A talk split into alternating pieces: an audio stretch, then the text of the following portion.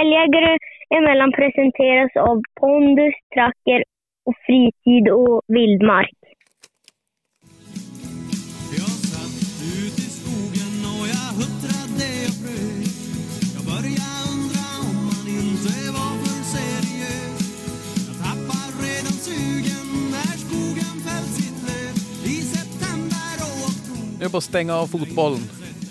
Jag vill skjuta en älg. Ja, Hej och välkommen till podden Älgjägare emellan. Tja! tjena grabbar. Hallå, hallå. Hur är läget med er? Eh, Det är bra. Jag får bra. som déjà vu. Ja. Sitter med en kopp kaffe här och surrar in eller svart mick här. Och... Ja, ja alltså det är, man, man har ju fått rutiner på grund av det här. Ja, faktiskt. Faktiskt. Man, blir, man blir mörkrädd hur, hur snabbt veckorna går alltså. Ja, det är makalöst. Nu är det snö och väder ute. Ja, nu, nu börjar det på riktigt tror jag. Ja, jag tror det. Ja, har ni fått in kustväder den och nu som ska Nu. komma? Vräkte det ner när jag körde hit. Så att... Ja. Åh fy det här. Jag ska ut och jaga imorgon. Kul. Ska du det? Ja. Något höra? Vi är prov imorgon. Nej, nej, nej, nej, nej, utan eh, jag ska ut med, med, med en kompis och hans eh, vaktel. Ska försöka skrämma ihjäl några rådjur. Det kan nog bli ganska bra imorgon. Ja, Mm. så att det, det, det ska bli trevligt faktiskt. Det är Ja. ju, jag tänkte på det, jag satte vid bilen och skulle köra, jag vet inte vart det, vart det var. Jag, jag, jag räknade till sju rådjur på kanske 100 meter eller någonting. Så Ja. det, det var just, just den här magiska tiden när det börjar, som nu är typ vid 11, Ja. att det börjar ljusna. Ja. Så det, det är ju just innan lunch. Ja. Nej, jag har en berättelse om det där om helgen om rådjur. Ja, ja men jag förstår ju det. Ja, men vi, vi, kanske, vi kanske ska börja där. Vi börjar där direkt. Vad säger du? Vad, har, har du och Allan varit ute på äventyr? Jo, vi var ute en sväng. Jag tog faktiskt en liten sovmorgon i lördags. Ehm, bara för att. Ja, men inte just förrän åtta ändå ju. Nej, precis. Men jag var inte ute förrän vid tio kanske. Eh, och så, jag var själv. Ja. Andra gissades inte följa med. Och så var det lite spårsnö där så att det gick ju faktiskt att se att det hade gått älg över en väg där. Så jag tänkte jag, jag ska hålla mig i det där området då. För det såg inte så jävla dåligt ut. Nej. Kokalvar. jo. Ja, jag gick inte, jag släppte inte på spår utan jag gick lite, eh, vad blir söder om spåren, några hundra meter. Så ska jag som skära över spåret. Ja. Tänkte han kommer nypa det där direkt. Och han drog ju som en avlöning där och for och snurrade på på ett ungskogshygge där och jag gick dit till slut och såg det var ju skitmycket älgspår där. Okej. Så jag vart ju som nöjd. Ja. Tänkte jävlar i min låda. Men det var även rådjursspår där. Ah. Så att eh, jag vart lite så här. Jag visste inte vad jag skulle göra. Jag tänkte han- får väl vara då. Jag, jag vet inte, Ja. jag kan inte ta ifrån honom det. Är jag, Nej, man vill ju inte direkt Nej. fya ifall det är älgen jag Nej. jobbar med. men det visade sig sen att det vart ju ett jävla upptag där. Alltså. bara 150 meter från och så såg jag över ett hygge, sprätte iväg ett rådjur där. Fem rådjur hade han upp. Ja, ursäkta jag skrattar. Ja, alltså, det Men, men, till mitt ja. försvar så var det inte så, alltså det var, var inte så färska älgspår där. Jag hade nog misstagit mig lite grann. Nej, jag tänkte, jag Mm. satt just och funderade på det. där. Var, var det i söndags du var ute och här, Lördags. lördags? Mm. Och börjar man kan man eh, tidsbestämma dem? Det är ju, det är ju fördelen med att det har snöat Jo. på kvällen eller på natten, att man ser att ja, men det här är då hyfsat Jo. nya. Ja, nej men jag vart nog lite lurad där eller ja. Ja men i alla fall fem rådjur. Det, det, det, det positiva i det här hela var att han drog iväg en lång satansväng med ett rådjur över en å och kommer tillbaks mot mig då. Han bröt efter en kilometer och en halv. Ja. Tänkte perfekt, nu kommer jag till. Jag stod på bakspåret. När han var 200 meter från mig rev han ju igen. Och så kom rådjuret på mig. Jaha. Du fångar det. jag, jag, hade lätt, jag hade lätt kunnat skjuta det med hagel, så det var inga problem så. Men tänkte nu du, Ja. min kära gula vän. Eh, så vi hade en allvarlig diskussion där på vägen när han kom. Ja. Så jag hoppas att, att eh, han lärde sig något. Ja, ja men det Tack. vi får hålla tummarna. Kastade in honom i bilen och for sen. Ja. Mm. Det bådar ju gott för min rådjursjakt imorgon hör jag ju. Ja, alltså, får ni inte upp rådjur imorgon, då, då ring inte så ska jag hjälpa er. Då är det för dåliga hundar. Då får vi låna alla? Nej. Precis. Nej. Nej, men det var min helg. Det var inte så jävla mycket mer, utan det var mest bara flopp. Ja. Nej, men ibland ska du göra så också. Ja, ja. Ingen flipp utan Flopp. precis. Mm. Men du, får vi höra på lite framgångshistorier nu då, Krille? Veckans avsnitt av Älgjägare emellan presenteras i samarbete med Pondus. Nu måste jag fråga er här, hur, eh, hur tycker ni det funkar nu med, med fodret? Jag tycker det funkar jättebra. Det gör det. Ja, vad, vad, jag tänkte det, många, många kanske är lite oroliga för att det ska vara söligt och geggigt med färskfoder. Inte det minsta. Nej. Hur gör du då med, med när du ska, alltså hanteringen utav det? Jag ligger en dag före. Ja. Så att jag har en tinad korv varenda dag då som jag sprättar och i matskålen. Det är jätteenkelt. Inget kladd alls? Inte det minsta. Nej. Och hur mår hundarna utav dem då? De mår hur bra som helst. Ja. Det är full sprutt på dem. Härligt. Mm. Vad, vad säger du Krille? Vad, vad tycker du är... Du har ju kört an, andra foder också, det väl vi alla. Eh, Men, men andra färskfoder, jag har aldrig kört någon färskfoder innan. Men du har ju kört andra färskfoder. Vad, vad tycker du? eh, Hur, hur står sig Pondus mot, mot de foder du har kört tidigare? Du behöver inte säga vilka du har kört, men... Ja, jag har ju bara kört eh, ett, ett annat Ja. färskfoder. Men ja, jag tycker att jag blir bara mer och mer nöjd egentligen. Jag tycker att de mår superbra. Ja. Det enda jag blir lite irriterad över det är ju att de bajsar ju så sällan. så Man vet ju aldrig. Man går, går, går. Och, och, man, alltså, här, Ja, det där känner jag igen. Alltså, Ja. fruktansvärt. Alltså, man tror ju att man inte ger dem någonting. Nej. Så Nej, Jag blir nästan orolig att jag måste öka på ännu hårdare. ja, hade det så ger inte... de ju bra. Ja, nej, men hade det inte varit för Hulle så då hade, det varit, då hade man ju nästan, som du säger, då blir man ju orolig. Mm. Ja, faktiskt. De måste Nej, suga åt sig jävligt allt. Ja, Mm. ja, nej, Ja. men det... Så att, eh, nej, men det kan man väl... Det är kul att vi alla är rörande överens om att vi är väldigt nöjda. Mycket. Eh, och eh, vi kan väl säga det att eh, för ni, er som är nyfikna, gå in och läs mer på, på pondusfoder.com. Mm. Vi säger stort tack till Pondusfoder. Tack. Veckans avsnitt av Älgjägare emellan presenteras i samarbete med Tracker. Ja, men nu är vi ju i, i halvtid, höll jag på att säga, av jakten här. Mm. Och vi har ju jagat ett tag här med, med den nya, om vi kan säga det fortfarande, men, men eh, Hunter-appen, Trackers Hunter-app. Mm. Och eh, det har ju varit lite förändringar som man var, om jag ska vara ärlig, var man lite halvt skeptisk till dem i början. Mm. Men, men vad, vad, vad säger ni om, eh, om förändringarna nu när man har hunnit använda dem? Jag tyckte de funkar svinbra. Jag Ja. älskar ju de här grupperna som man kan göra. Ja. Och kanske styra lite grann vem som ser och vem som inte ser. Ja. Tycker jag funkar jättebra. Ja, det var ju en, en av de grejerna man var lite så här, Mm. skeptisk till. Men, Ja, men jag var väldigt... ja, Precis. Man är ju alltid... Alltså det är förändringar eller... Alltså, Mm. det- Men det har faktiskt varit riktigt smutsigt. Mm. Ja. Ja, jag, jag kan bara hålla med. Jag tycker också att det funkar väldigt smidigt. enda som inte har funkat riktigt med det där grupper, det är ju att Krille verkar inte kunna komma in i den här älgjägare mellan uh, lyssnare. Nej. Är, är lyssnare, det verkar ju vara någon bugg. Men det får väl Tracker kanske jobba på. Ja, ja. Vi får skicka tracker dit. Men vad säger du då Krille? Är det någonting som du, som du har ehm, reagerat på nu med, med nya appen? Nej, men det var ju som jag sa tidigare där med den där uh, domarknappen där. Alltså för Ja, just det. sök och det där. Det var... Jag vart ju faktiskt lite... Jag var lite frän. Ja. Den, kan, den ska jag nog testa själv någon gång när man är ute och se. Ja, men när de har på en sök och sådär. Ja, det hade man ju gärna sett. När hunden är ute på någon söktur. Men eh, nej, men, nej, men Nej, absolut. uppdag. Uppdag. Det, det är faktiskt det är sant. Det där är bra. Och jag kan utan att jag vet inte om jag avslöjar, men jag hörde några rykten om att jag tror att det är ett projekt som pågår med, med att kolla på fler grejer för Mm. att just kunna nyttja appen i jaktprovsmässigt så att säga, i jaktprovssituationer. Mm. Så det får vi säkert alla anledning att återkomma till. Mm. Mm. Ehm, Och är du nyfiken, läs mer på tracker.fi. Mm. Vi säger stort tack till Tracker. Tack. Veckans avsnitt av Älgjägare emellan presenteras i samarbete med Fritid Vildmark. Ja, vad säger ni? Börjar det inte vara dags snart? För? Ja, men att planera in en, eh, en liten träff igen. Ja. Hur ser det ut, Krille? Har du älgskav? Räcker? jag lovar inget, jag lovar inget. Nej, men jag tänkte det. Vi, vi, vi hade ju så jäkla trevligt sist vi var på Fritid Vildmark och eh, hade med oss lyssnare och sköt och eh, fick lite demonstrationer av bössor och, och ja, men det var ju supertrevligt. Mm. Vi kanske ska börja fundera på att planera in en, en ny träff. Det tycker jag absolut vi ska göra. Om inte annat så kanske vi, vi åker dit för, för att handla, shoppa lite grann. Mm. För eh, är det någonting som, som man kan säga om Fritid Vildmark, det är ju att de har en vansinnigt fin butik. Den är jättefin. Så att den, den i sig är väl värd ett besök. Mm. Och jag, jag tänkte på det, nu, nu när det börjar bli lite kyligare och sådär.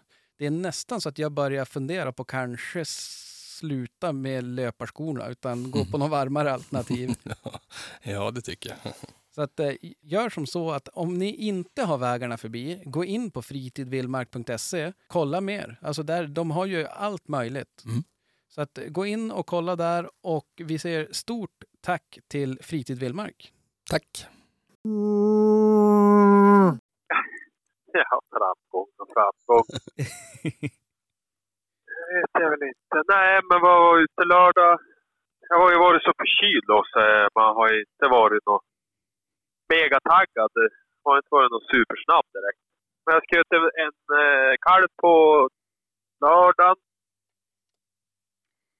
Och ja, jag var själv några timmar. Stod väl inte dyngpall hela tiden. Jag var jag själv då i alla fall. Och så, söndag då var, då var jag bara ute. Ja, jag skulle egentligen inte jaga någonting, men jag borde släppt hund och, och jag hade inte med mig byssa än, faktiskt. Nej. Ja, ja, man börjar ju själv där och så så trodde man ju att ja, men det stod ju bra. Helt plötsligt bara, ja, då vet jag att det då bara skenar det 30 kilometer i timmen typ och så iväg. Kutade förbi mig på vägen. Jag försökte ta fast hund, men det var ju som ett läge just då. Föll ner på... Det är lite... Ja, men Juktån är ju där en smalare variant av honom. Så att då får jag ner där och då tänkte jag, hopp. Ska ut på någon jävla is nu och här och dränksa. Och så såg jag bara gick med typ 27 kilometer i timmen. Inga skall eller någonting. Och så är jag plötsligt mitt ut på det där ja, men på ån då, så att säga. Då bara vart det pallstopp. Så såg jag bara en kilometer i timmen och han skällde inte så jävla mycket heller. Utan det var, jag tänkte hopp, nu gick han ner sig. Garanterat. Jag var helt säker. Mm. Och inga grejer har man ju med sig i och jag tänkte jag får väl... Ja. Får väl se. Ja, men jag åkte dit då. Ja, men då förbanne mig. Då hade ju... Då hade ju, vet, han hade stressat dem så jävligt så att då... Då hade kalven bara skrenat där och så hade han ju knäckt benet. Precis under bogbladet. Jaha. Alltså, Jaha. är ganska hög. Alltså det var gode, tjockt. Alltså, jag fattar inte hur de lyckas alltså. Men Det är lite de kraft. måste ju bli så... Ja, men de måste bli så jädra stre- stressade så att Mm. de lägger all vikt på alltså man tycker att då... Så att, eh, nej, han var inte, han mådde inte så bra. Ja. Så då knäppte jag ju den rackaren också. Men det var ju utanför området vårat. Men jag var ju tvungen att ta honom ändå. Vad ska man göra? Men du har Farsan ingen... inte komma med... Ja, Ja, men farsan kommer med byssa. Han... ja, jag tänkte det. Alltså det... Men, man, Ja, men... det var kaos. Som vanligt. När GD är ute, då är det kaos hela tiden. ja, men det där, det där känner man ju igen. Men jag gillar ändå det där att eh, bara, ja, men jag har ju varit sjuk och det har ju varit så här. Nej, men han skällde några timmar där, jag sköt den där. Och, För att göra det lite svårare Ja, men det tog jag inte med mig bössan på Undrar hur söndag. han är när han är alert. Ja, ja, ja, oj, oj, oj. Du vet, när, när Krille är i form, Då är det jävlar. kaos. Då jävlar. Det, vi får hoppas att det aldrig händer, för det är, det är nådastöten mot älgstammen. Faktiskt. Nej. Nej men det låter ju ändå som du, det har ju hänt en del grejer. Sen är det, det är ju klart det är tråkigt när de, när de gör illa. Hade Ja. han halka eller vad? Ja. Alltså vad? Nej, men jag tror han skrenar bara vet du, då åker benen rakt ut och så lägger han all, all vikten då på. Ja. Alltså, här. Men att det, för det är inte ett så litet ben som går av. Men Det måste ju ha smult, sm, smäll Alltså, det måste ju rent ha varit typ som IVR-skatt. Ja. Alltså. Det var därför han slutade skälla. Han trodde att nu har Krille gjort, nu har Krille gjort jobbet här, nu är liggan. Ja. Nej, men han vill ju äta upp allt. Det var mest därför. Direkt han var tyst och försökte... Det tog ju ett tag innan farsan kom med byssa. Så direkt jag hörde bara tyst och vrålade jag bara på honom så att han skulle... så- För då låg han ju och, och åt eller tuggade på honom. Ja. Det är Ja. lite som han är. Ja. Så då, direkt de får övertaget, vet du, då är det...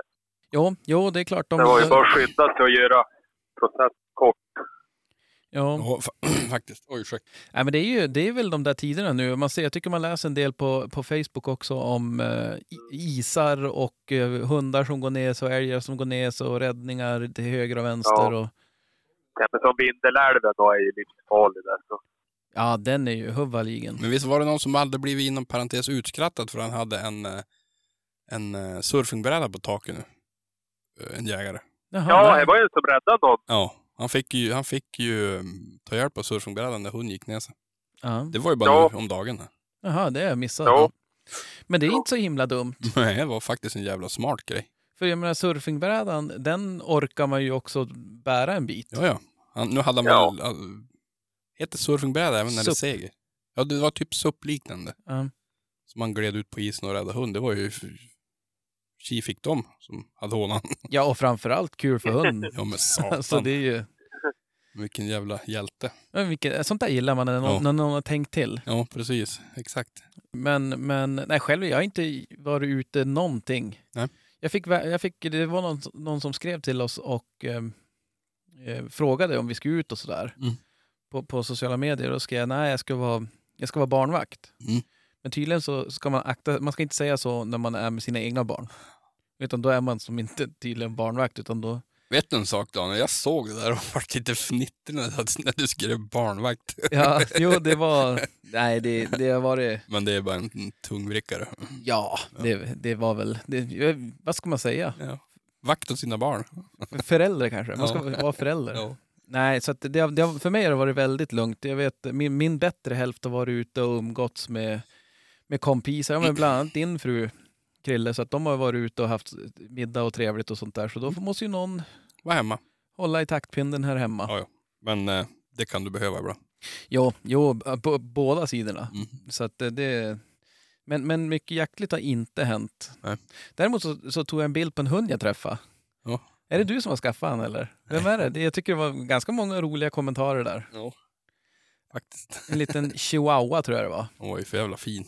Ja, men alltså det är mycket ögon. Alltså procentuellt så måste det är ju typ så här 40-50 procent öga. Jo, jo, jo jävlar. Det är ju, men... Nej, är kilopris här på en sån där?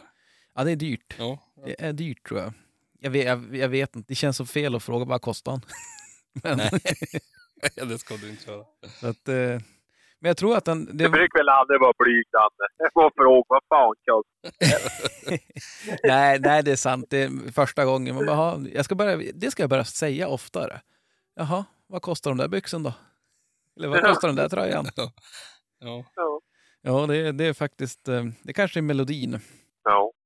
Men vad blir det till helgen då? Händer något annat? Oj, ja till helgen. Det var en bra fråga. Jag vet faktiskt inte. Jag har inte hunnit tänka så långt. Jo, men då ska jag väl ut på... Jag tror det blir lördag. Det såg lördag skulle vara bättre. Jag, jag, jag börjar fundera när, när renarna kommer. Ja, men det brukar de ju skriva i den här gruppen och det har du inte skrivit sen. Men det måste ju vara jättesent. Ja, men det är sent då. Men det, är väl för, det är väl att det inte är någon snö Någonstans. någonstans än. Nej. Nej, men vi får ju bara vara glada så länge de inte kom, för då är det ju verkligen slutjagat. Ja, ja. Jo, då är det ju Kört. då, då är det över. Ja, men en sväng blir det väl helgen. Ja, jo, nej, men jag, ska- jag ska också ut och rasta hundarna en, en, en del. Precis. Jag hade tänkt, jag var lite sugen på, på att starta på något prov, men eh, jag tycker inte så mycket älg här omkring. Nej. Det hade varit, jag skulle vilja se ett spår innan. När man har varit ute och tjavat nu så. Jo, precis. Nej, men då finns det älg på... på...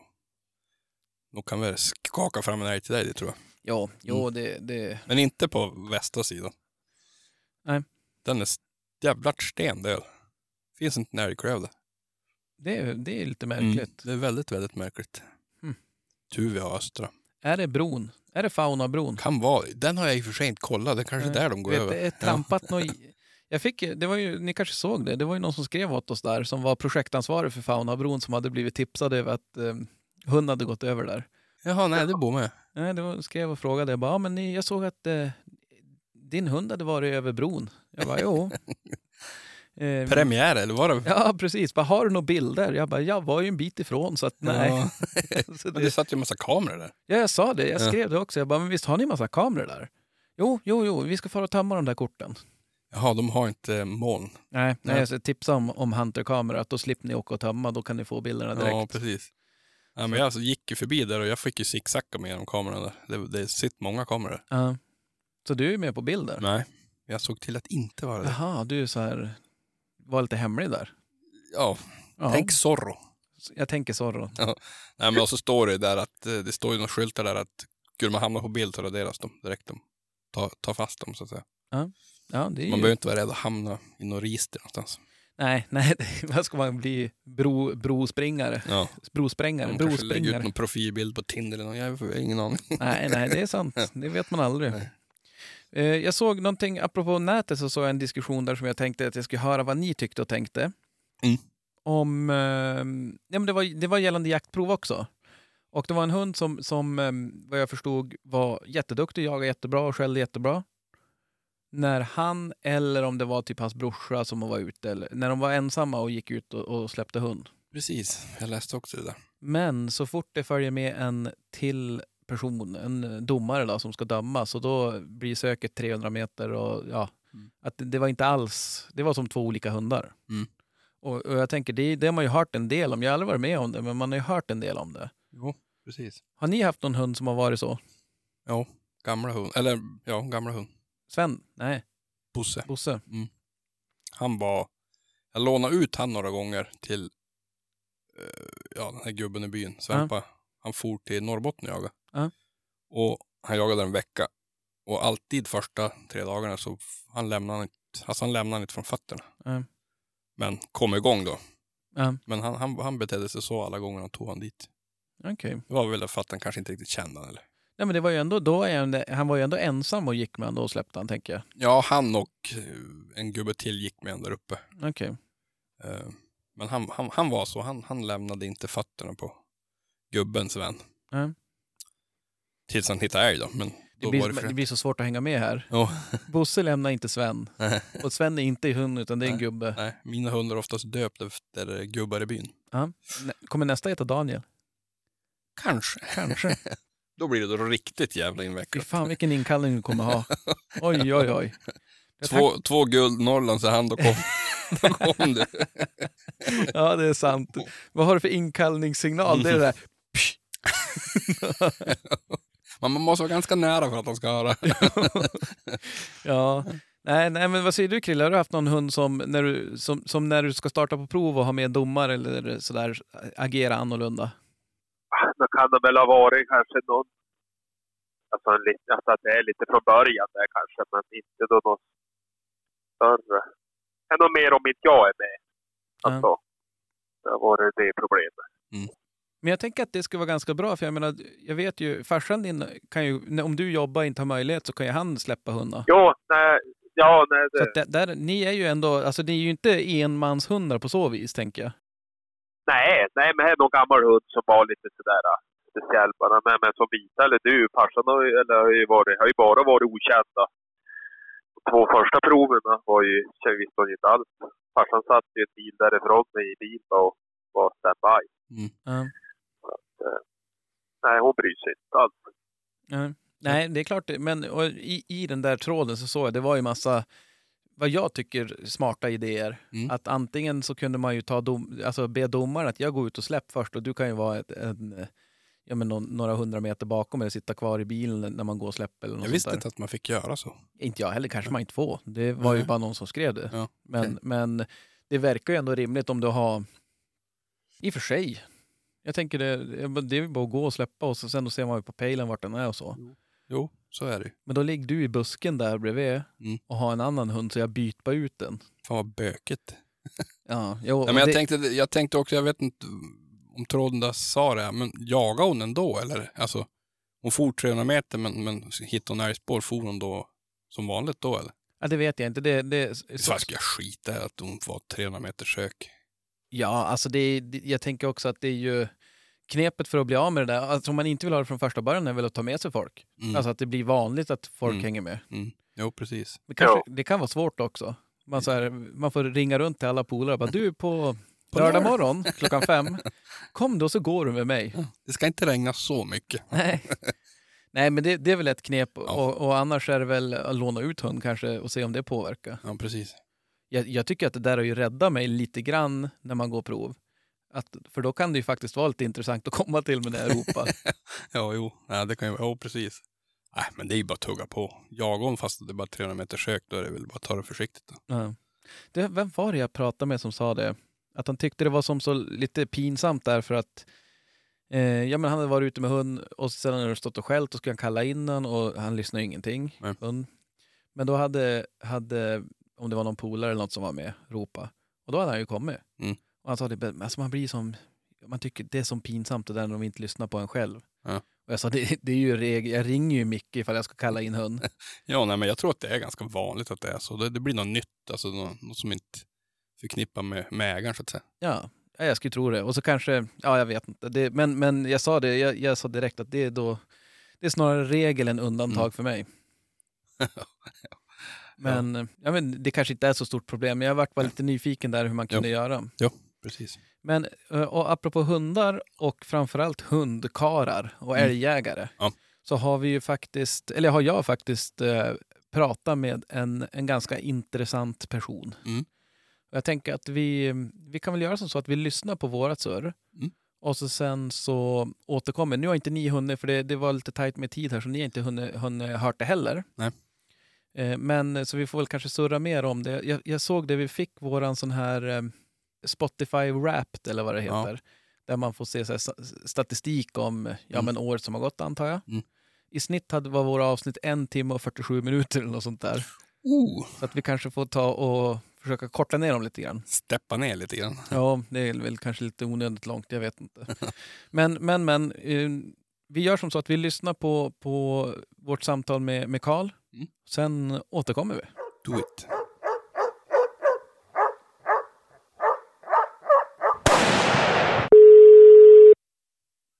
Har du det? Ja men tjenare Carl, det är Daniel från Älgjägare Mellan här. Tjenare! Tjenare, hur är läget? Jodå, helt okej. Härligt, härligt. Vanligtvis så brukar gästerna få presentera sig själv, men det känns som att om någon som lyssnar på oss nu mot all förmodan inte skulle veta vem du är och ha koll på dig, så tänker jag att då får de pausa och så får de googla och så får de sätta igång igen. Då sparar vi lite tid. Jajamän. Så att, men, men jag har jättemycket frågor och funderingar, men jag tänker vi måste börja med våran klassiska fråga om du kommer ihåg din första älg och kan berätta lite grann hur det gick till. Ja då, jag var 20 år och eh, gick tillsammans med en legendarisk älgjägare som heter Bengt Sandgren som hade uppifrån Umeå. Ah, Men det var nere här i Bergslagen. Ja. Och eh, så dök det upp, ja hon var borta eh, vi bara stod och väntade och så rätt vad det så dyker det upp ko och två kalvar som passerar upp och stannar till. Jag skjuter på ena kalven och så försvinner de bakom en, en kulle. Ja. Och jag kände mig inte säker på hur det där gick. Men Nej. sen gick vi över kullen och då, då låg han där. okej. Så var det. Så, så var det. Men, och det var inte de, alltså hund var inte efter dem? Jo, det Okej, var ja han. ja. Han kom, han kom sen, ja. Okej. Och det hade tagit bra och så? Ja, Ja men du, där ser man. Ja. Vad var det jag Ja. tänkte, hur, hur kom du in i jakten från första början? Är det, med- är det med modersmjölken eller har, är det något som, du berättade att du var, vad sa du, 20 år? Ja, jag var 20 då. Jag fick ju eh, bössa när jag var 18. Va? Men nej, det vet du, vi, vi, ja, det jagades ju inte så mycket älg då, kanske två dagar. Va? Eh, så där inledningsvis. Och det var ju då som eh, min far då, som inte var speciellt jaktintresserad, Nej. Mera fiskeintresserad, eh, då engagerade han då hundförare. Och så hade han en representationsjakt. Och då var väl några först, men sen kom just Bengt Sandgren ner och han kom tillbaks varje år. Och, ja, sen jag var tio så gick jag med honom de där dagarna med hund. Va? Så det var han som lotsade mig in på den där banan och Okej. lärde mig lite grejer vartefter och fick mig intresserad framför allt. Ja. Fastna för, för just älgjakten och hundjakten då eller? Ja, precis. Han hade ju hundar och sen eh, skaffade jag min första hund via honom också. Okej. Ja, men hur, och hur ser det ut idag? Jagar du, är det älg du jagar eller jagar du, är du allätare så att säga? Ja, från början var det ju mycket allätande för att eh, ja, det fanns inte så mycket älgjakt egentligen. Så att jag jagade ju, hade ju en drever och jagade mycket rådjur och framförallt det då kan man säga. Ja. Och lite, lite allt möjligt. Ja. Mm. ja, vi får se. Det, nu ska man inte vara någon domedagsprofet här, men det känns som att älgstammen är ju vikande, så man får väl kanske ta och skaffa sig en drever snart. Ja, Men, ja jag vet inte. Men nu, nu finns det väl förhoppning om att vi tar ner eh, vargstammen, vilket gör ju mycket till. Ja, nej men så är det. Så är det. Och det, jag tänker att vi ska komma in på det, men först ska vi gå in på något som är betydligt roligare tycker jag, och det är att prata lite hundar. Okej. När, när skaffade du din första älghund? Och vad, vem var det? Ja, det var eh, via Bengt Sandgren. Mm. Och sen hade jag nog tre, två, tre hundar från, från hans uppfödning eller även hans son. Ja. Eh, sen lånade jag även en gråhund av honom, kommer jag ihåg. Okej. Mm. Och hur ser det ut i, i hundstallet idag då? Ja, jag har två kvar. Jag, precis igår så lämnade jag bort en som, som är lite gammal då. Andra som inte jagar så intensivt och, och med löshund då. Ta hand om honom så han får komma ut i skogen. Nej, jag har två. Jag har en som är fem år fungerar bra och så har jag en som är ett och ett halvt då, under upplärning kan man säga. Aha. Ja, nej, men det är, ganska, det är en ganska bra balans om, om du frågar mig. Just att ha en, en femåring som är det, det trygga, det säkra kortet och så en på, på utveckling så att säga. Ja, det har väl varit så ungefär hela tiden. Ja. För mig att jag bara fyllt på och sen har, har det blivit pensionär. Men jag ha- hade ju många fler hundar förut när jag jagade mera intensivt. Nu är det, eh, orkar jag inte så mycket mera. Ja. Så att jag jagar kanske år ens åt. Och sen eh, har jag en svärson som är intresserad också som kan ta en eftermiddagsåt. Okej. Ja. Nej, men det är ju det, är ju det att ju, ju intensivare man ska jaga, desto fler hundar behöver man ju så att de, så att de pallar med också. Ja, precis så är det. Så jag hade ju många, många år så jagade jag ju med tre. egentligen. Ja, nej, men det är ganska bra. För jag, vet, jag vet ju hur det är där. Fort blir det någon skada och då står man liksom annars där. Ja, precis. Och det blir det. Det blir skador på ett eller annat sätt. Ja, det är det enda man kan vara säker på känns det som. Ja. ja. Men, men om du tittar tillbaka, jag menar, du har ju haft en, en lång och väldigt framgångsrik jaktkarriär när det gäller älgjakt och så. Om, om vi då fokuserar lite grann på älghunden. Nu har väl du haft, jag jag har för mig att jag sett att det är mycket jämthundar du har, har, har haft va? Ja, huvudsakligen jämthundar. Ja. Ja. Ser du att, att då älghunden har, alltså jämthundarna då har förändrats någonting under den här eh, tidsperioden när du har haft hund att jaga? Är det någonting du kan se som har förändrats? Jag tror att det är mycket bättre kvalitet i, i grunden idag. Ja. Eh, och jag tror att eh, det är mindre jaktidioter. Om du förstår vad jag menar. De där som håller på ett dygn. va. Du får med dem, det är lättare att få med dem hem från skogen Ja. alltså? Ja, sen vet jag inte hur generellt det är, men det är ungefär min. Av de hundar jag har haft och, och skaffat så, så är de här senaste varianterna betydligt mera... Ja, man får i alla fall hem dem när det blir mörkt. ja, ja, det kan vara ganska skönt och speciellt med allt som är på skogen nu för tiden. Så att då, då är det viktigt att få med dem hem. Man kan inte ha en hund stå kvar och skälla i mörkret som man hade förut. Va? Nej. När man hade skjutit kalven så fick, eh, fick hund stå och skälla på kon då. Ja, Tills han blev less. precis. Eh, Det kan man inte göra längre. Nej, nej det där är, jag, jag jagar ju uppe i Västerbotten och Västerbottens inland, eller vi gör det i podden. Och här är vi ju än så länge ganska förskonade. Men ändå så hör man, alltså det är tveksamt om jag ändå skulle våga, våga lämna dem stående över, över natten sådär. Alltså det är, ja, men men, huvudligen. Ja. Eh, Men jag tänkte på det just när, när vi pratar om eh, att kvalitet, alltså att de har blivit mindre jaktidioter, men upplever att de, att de jagar, att jaktlusten har gått ner eller är det inkallningen som har gått upp? Jag tror det är det senare. Men då är det ganska positivt. Ja, visst är det det. Absolut. När vi, när vi är inne på just de här egenskaperna hos, hos älghundar, vad skulle du säga är, om, om du får välja, vad är de tre viktigaste egenskaperna hos en bra älghund? Eh, nummer ett är ju söket. Ja. Eh, som ju är grunden för att du har en möjlighet att hitta en ostörd älg. Ja. Eh, och eh, söket bör så att säga vara utökande. Va? Så första svängen är, ja säg då 200-300 meter. Va? Och sen kommer hund tillbaks. Och så andra svängen är lite längre bort. Ja. Och tredje svängen. Och går det tillräckligt fort, vilket man vill att det ska göra, va? och det vill säga det ska vara ordentlig fart i, i, i söket, så är det, då hittar de i allmänhet älg inom en halvtimme. Ja. Så, och det är ju jätteviktigt. Och det är roligt, va, för då blir det ju jakt på en gång för, för alla med, som är med i laget. Ja.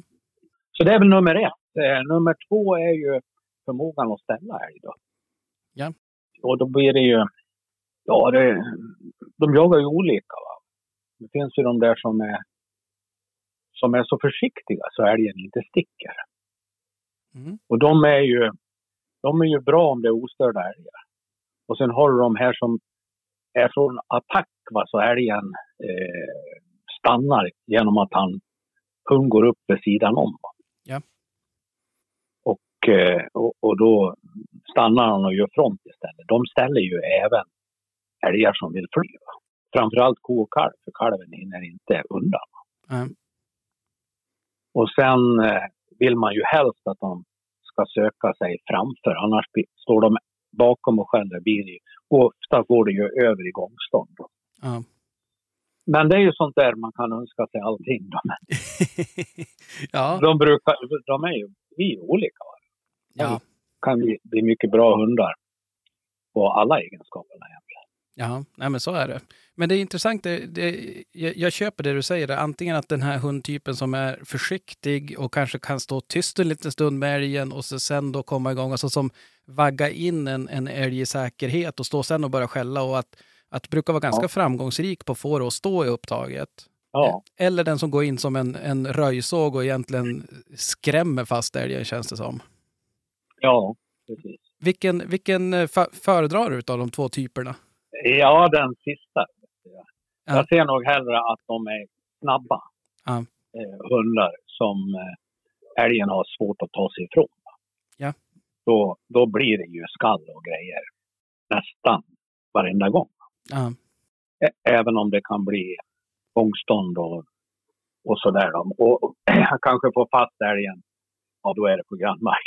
Ja, jo, jo det, Men det, det, det blir mycket, det blir mera jakt. Som jag. Ja, jag, jag håller med och jag tycker också att det blir mer på hundens premisser än på älgens premisser. Ja, också det. Ja, nej, men det var, det var ju väldigt, väldigt viktiga egenskaper du, lyfte upp där. Och vi i, Mm. i våran lilla podd, vi brukar ka- vi prata om en, en hund som heter Valdemar. Bakgrunden, det är, en, det är en bekant till oss som ägde en hälleforsare som, som hette just Valdemar och det var den bästa hunden han haft. Och enligt han så kommer han aldrig att få en Valdemar igen. Har du någon, någon sån här Valdemar, alltså en, en favorithund och varför, var, varför fastnade du för den? Ja, det har, jag har nog flera Valdemar. en Valdemar har jag nu. Jaså, är det, det är fe- femåringen antar jag då? Ja, det är fem år. Ja. Det är, det är upptag varje gång inom en halvtimme. Garanterat. Oj, ja. Det blir skall ja, nästan varje gång. Fast ofta rullar det iväg lite grann. Så att man, man får försöka förstå vart det är på väg och, och försöka genskjuta det är väl kanske det bästa. Då. Ja. Men han har en annan egenskap som är, som är jättebra. Och det är det att han stannar vid kalven. Okej. Så det är ju oftast kokalv, eller var kan man säga. Nu är det ju relativt lite kalv med. Men, Ja. men annars så är, blir det ju ofta stånd på kokalv. Ja. Den, där, den här hunden, jag sköt en kalv för den första gången. Eh, och då, då stack, det var ko två kalvar, och då stack kon och kalven och sen vände han och kom tillbaks till den kalven. Sen har han gjort det hela livet. Okej. Ja.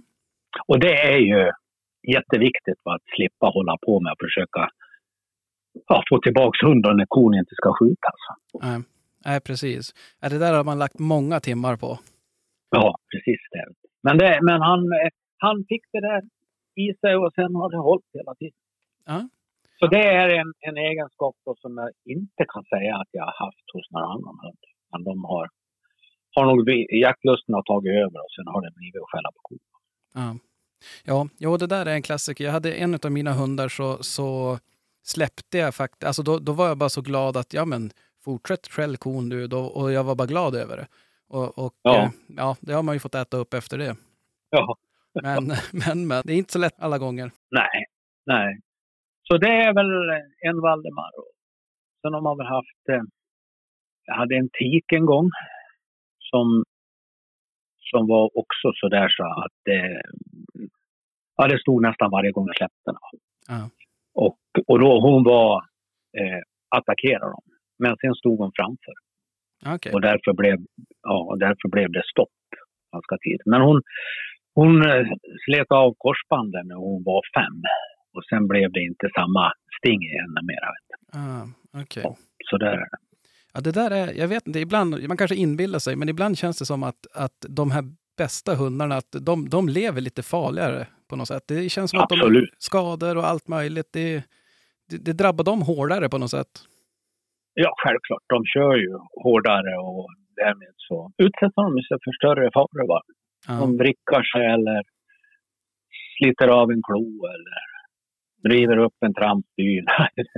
Ja, Alla sådana där grejer. Och de utsätter ju sig för, för faror när, när folk skjuter på älgen utan att veta vad hunden är. ja, Jag har fått en riktigt bra Valdemar skjuten. Han var, han var inte mer än tre år, va? men han var jättebra. ja. Huvalin, då hade du egentligen de, de bästa åren framför dig med han. Ja. Det där, är, det, där, det där är något som jag tycker är bra med, med, eh, faktiskt med skjutbiografer. Att skjuta på en papper i all ära, men just skjutbiografer, för där kan man ha en hund som är med på filmen så att man verkligen så här, har koll på båda grejerna. Speciellt ett gångstånd och så sen då hör de skall, men ser ingen hund. Jag undrar vart un- hunden är. Ja, det kanske är bakom älgen. Ja. Så att, ehm, Sen är det nog så vet du att man kanske har koll på det där i, när du skjuter första skottet, men andra skottet, det är då som det ja, eh, då blir det farligare. ja, Det är, det är lättare gjort att du inte tänker på vart tog hunden vägen nu då. nej, nej, precis. Sen skjuter ju jag med, med Alaska 308. Ja. Av det skälet att det är ju sällan som kulan går igenom kroppen. Ja. Utan den sitter med skinnet på, på andra sidan.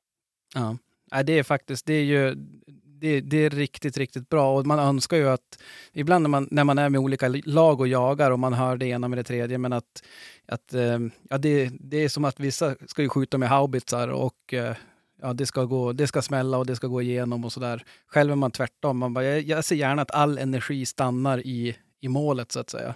Ja, nackdelen är att du inte får något utgångshår som blöder. Nej, nej det är sant. Men det tar jag gärna. Ja, precis. Ja, jo, alltså det, och oftast tycker jag när man har hundar själv så har de varit med där. Det ska mycket till att de byter älg om de har varit med från skottillfället. Ja, absolut. En, en, grej som, en fråga som jag, eller vi i podden ganska ofta får, det är just det här med vad är, alltså vad är det som är så speciellt med jakt och, och älgjakt och ofta hundjakt också? Och jag tycker att det är så svårt att, be, att beskriva och göra det rättvisa. Alltså varför tycker jag att det... Vi brukar säga att det är inte bara ett intresse, det är, nästan, det är, det är mer som en livsstil. Vad, vad, hur skulle du svara på den frågan? Vad är det bästa eh, med, med jakten? Med älgjakten, Ja, ja, ståndhundsjakten. Ja. Ja, det, är, det är väl just spänningen att... Jag menar, söket eh, och så vidare, det, det kan du ju uppleva med en, en småviltshund eller en harhund eller vad som helst. Ja.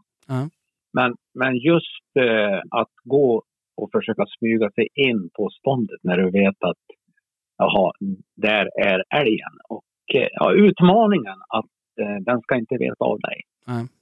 Den ska inte få koll på dig. Va? Och, ja, det är, det är en viss... Eh, det kräver en viss träning om jag säger så. För att, och att ingen, ingen situation är ju den andra lik på något vis. Va? Utan, inte annat än att oftast så står ju älgen väldigt tätt. Så man måste in ganska nära.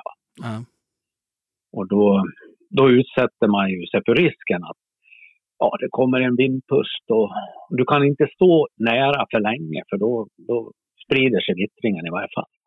Men det är ju, det är ju varje, varje ståndskall är ju unikt på något vis.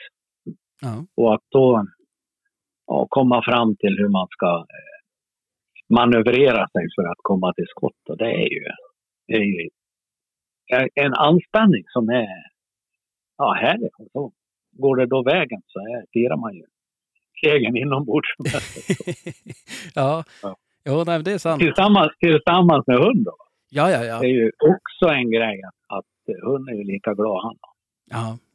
Ja, det där är just det, det samband, alltså bandet man känner med sin hund och, och om, det, om alla stjärnor och planeter står i rätt och man har, man har inte lyckats smyga bort det där eller göra bort det på något sätt och att, att allting går, går som planerat. Alltså den känslan är ju svårslagen. Ja, den är svårslagen. Den är så. Ja, Och ja, det är därför som, som lösensjakten är, är Formel 1 om jag säger. Ja, jag kan, jag kan bara skriva under. Jag, jag håller med. Nej, det är magiskt och det är synd att man... Jag ska, jag ska bara beskriva det bättre för de som frågar så att de får, får rätt bild utav, utav det vi håller på med helt enkelt. Jaha. Så att, eh, men, men om vi ska prata lite orosmoln. Vi pra, jag pratade med Daniel från Jägarförbundet förra veckan om, och vi kom in lite grann på så här eventuella orosmoln på den svenska jakthimlen. Mm. Och eh, tänkte jag ska höra med dig. Vad, vad, vad, vad tycker du är det största hotet mot, mot jakten idag i Sverige? Vargen.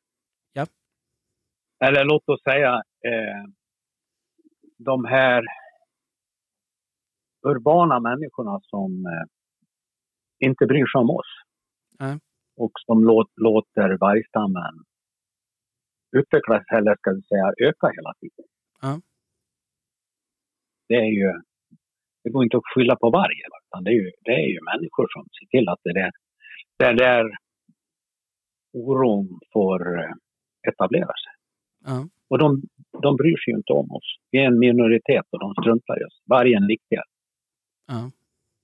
Jag, jag, jag kan inte förstå det där hur det, hur- det kan ha blivit så viktigt med något som, som de aldrig...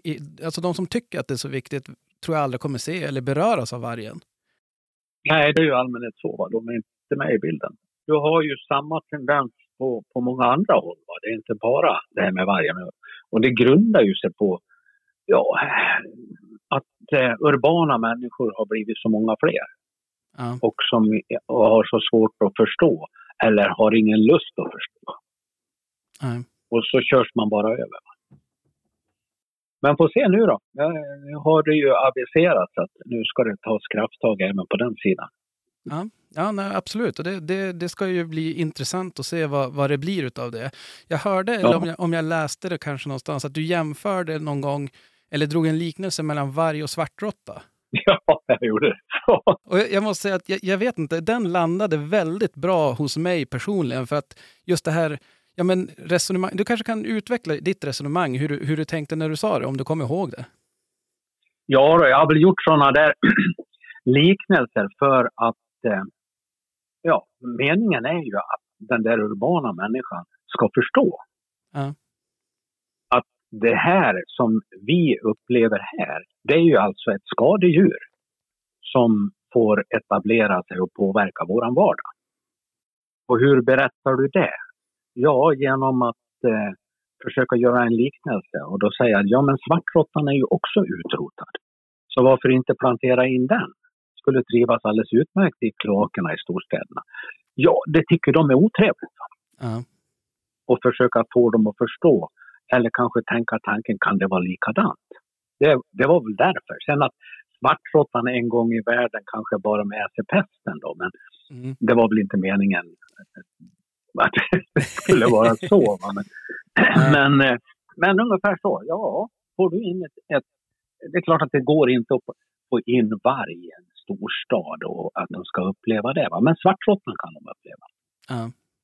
Ja, absolut. Och jag, jag, vet, jag, jag, brukar själv dra liknelser till, nu kanske det också är orättvist, det vet jag inte, men, men de här gängproblemen som finns i, i de stora, alltså de tre största städerna med, med skjutningar och det är ju superhemskt såklart.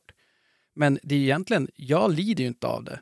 Det är som att jag, bara för att inte jag lider av det och att det inte är något problem för mig när jag bor i en by uppe i Västerbotten, då är det så att ja, men jag tycker vi ska ha det. Jag tycker att det är fint. De, de gör bra musik eller något sånt där. Alltså, Ja.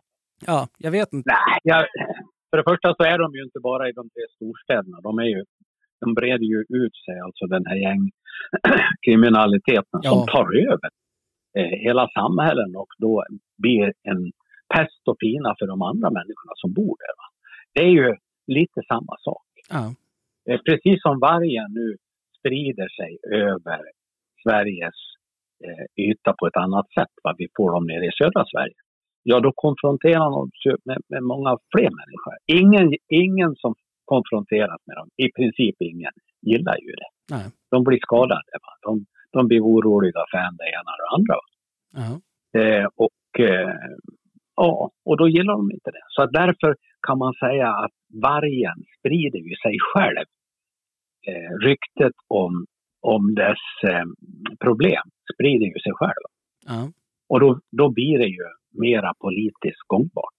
Ja, ja men lite, lite så har jag tänkt också att, att eh, de, de är sin egen största fiende, vargen, på så vis. För när de sprider sig, ja men då helt plötsligt blir det fler och fler som, om de, om de kanske finns på väldigt lokalt någonstans i Sverige, ja men då är det deras problem. Då är det lätt att inte Ja. bry sig om det.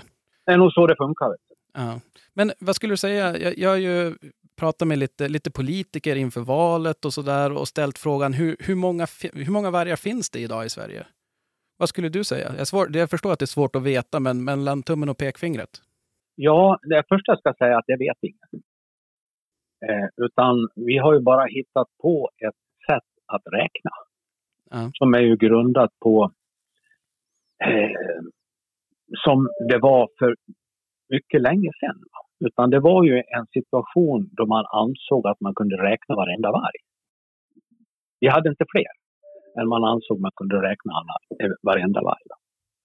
Och då fick man ett samband mellan familjegrupper och totala antalet. Ja. Och det har man fortfarande kvar. Va? Det vill säga familjegrupper gånger tio. Så många vargar har vi. Där skapar ju en stor osäkerhetsfaktor. Ja. Därför att eh, ja, från början kanske det inte gjorde så mycket för det fanns inte så mycket varg. Men du vet när det blir närmare 500 så blir ju effekten om det inte hade varit 10 utan det kanske skulle vara 12 Ja. så blir ju effekten så mycket större. Så därför så är det ju, är det ju hur man än säger, en väldigt stor osäkerhet i de siffror som, som det finns någon relevant bas i överhuvudtaget. Eh, och det är ju ja, Länsstyrelsens beräkningar Ja. gånger 10. va. Det är ju vad de anser att de har hittat. Och det kan man nog säga, i varje fall i min värld, att den spridningssiffra de, de väljer, man säger ju aldrig inte att ja, nu finns det 470 vargar, utan nu säger man att ja, det finns 470 plus minus. Va? Ja. Och så tar man upp då ett intervall.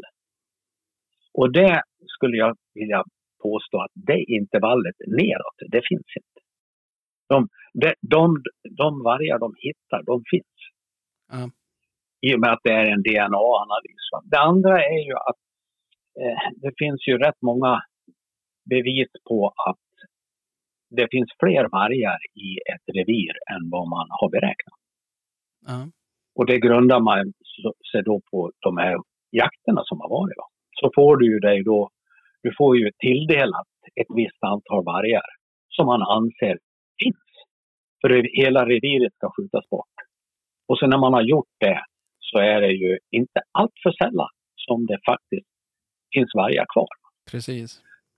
Jag kan ha en förståelse för det också. För det är, ja finns det två vargar, ja men då är det väl eh, ganska säkert. Men du vet om det finns fem eller sju i en grupp, jättesvårt att klara ut. Ja. Och det är väl det som slår igenom egentligen. Eh, när man går på säkra sidan. Så de här talen som vi har, som nu väl ligger på 470 vargar då, den officiella siffran. Rimligtvis så är den i underkant. Ja. Så ska jag tro någonting då? Mellan 500, 530 eller sånt där. Ja, ja. Tror jag är mer relevant att, att, att tro på. Det. Ja, nej, men det är ju, och egentligen, just den här siffran, det, har ju blivit, det blir ju väldigt mycket fokus på, på, som du säger, en siffra som vi egentligen inte vet om det stämmer. Eller det enda vi vet är väl att den i princip inte stämmer. Det är väl det nästan det enda Den vi kan borde vara- inte stämma Nej. exakt. Och den borde, den borde vara i underkant. Precis. Och ändå så blir det sånt stort fokus på det. Och det är väl för att det fanns det här alltså minimum, vad är de kallar, gyn, gy, gynnsamt bevarande status. Ja. Och då börjar jag tänka på, det, det, det, det jag funderar och har velat fråga dig länge, det här gynnsam bevarande status. Om vargen fanns ju inte i Sverige När, har du koll på det? När, när kom, inom situationstecken, kom vargen tillbaks till Sverige? Man hittar väl de första spåren av dem i början på 80-talet. Ja. Och innan dess så var den ansedd som mer eller mindre utrotad från Sverige. Ja, man hade inte hittat varg då sen. Jag tror den sista sköts upp i Norrbotten 65. Och då var, det var samma år som det var skottpengar på den. Ja, man, jag har sett de där gamla annonserna och, och ja, det var andra tider då. Och du vet, då var det ju, det var uppe i, i norr, va? Norrbotten huvudsakligen. I Mellansverige har de varit borta mycket, mycket längre. Ja. Det är ju en introduktion av en art som har kanske varit borta här hundra år. Va? Ja. För, för det är det jag tänkt på, den här att det ska finnas en gynnsam bevarandestatus. Det betyder ju antingen, så har, om den har kommit tillbaka till Sverige av sig själv, ja men då var ju bevisligen noll en gynnsam bevarandestatus. De kunde ju komma tillbaka om de ville, höll jag på att säga. Annars om det är, en, alltså om det är vi som har inom situationstecken planterat ut dem, ja då, då blir det en annan sak. Jag vet inte, det där, jag tycker man ser både till och från på, på framförallt sociala medier, Facebook, olika dokument och så här. Vad händer med de där vargarna från den där djurparken? Och vad, vad, har, har, vargen återin, alltså vandrat in i Sverige igen norrifrån eller har den haft hjälp på traven tror du? Det tror jag inte. Jag är fullständigt övertygad om att den har inte kommit in på egna ben. Alltså det finns så stora, tunga bevis på det så att säga något annat är snarare fullständigt otroligt. Du vet, eh, jag grundar det på egentligen tre tunga fakta. Ja. Eh, vi hade inte haft varg här i Mellansverige på, låt oss säga, hundra år. Och eh, då startade Naturskyddsföreningen eh, Projekt Varg. Det gjorde man ju i samma tidsanda vet du, som vi hade stora problem med DDT och PCB och sånt här som, som faktiskt höll på att ta död på, på bestånden i och med att man, det påverkade deras möjligheter att fortplanta sig. Ja. Och då startar man ju stödutfodring av örn och, och pilgrimsfalk och utter och alla sådana här som lever ganska högst upp i näringskedjan. Ja. Rovdjur då. Och i den andan startade då Naturskyddsföreningen Projekt Varg. Och det gjorde de nog 72 eller något sånt där. Okej. Och det startades och man engagerade då ett antal personer i, i styrelsen för det där. Naturvårdsverket hade hela tiden en representant med. Ja. Men annars var det väldigt kunniga människor. Det var professorer vet du, i, i, biologi och zoologi och så vidare. Som var engagerade i det där. Alla de här styrelseprotokollen finns ju kvar. Ja. Och det, är det, det har man då ganska tidigt resonerat fram till att vargen kan aldrig, det är inte rimligt att tro att den kommer tillbaks på egna ben. Så enda sättet att få, ett, eh, få en vargpopulation det är att plantera in den. Och sen handlade allting om att plantera in. Och de la ner stora resurser på det. De, man la ner, och det här är ju, det här är ju fakta. Det är ju dokumenterat i, i proto, styrelseprotokoll. Ja. Eh, och man, eh, i och med att man då tar det beslutet, vi måste plantera in dem. Då är frågan, vad ska man plantera in?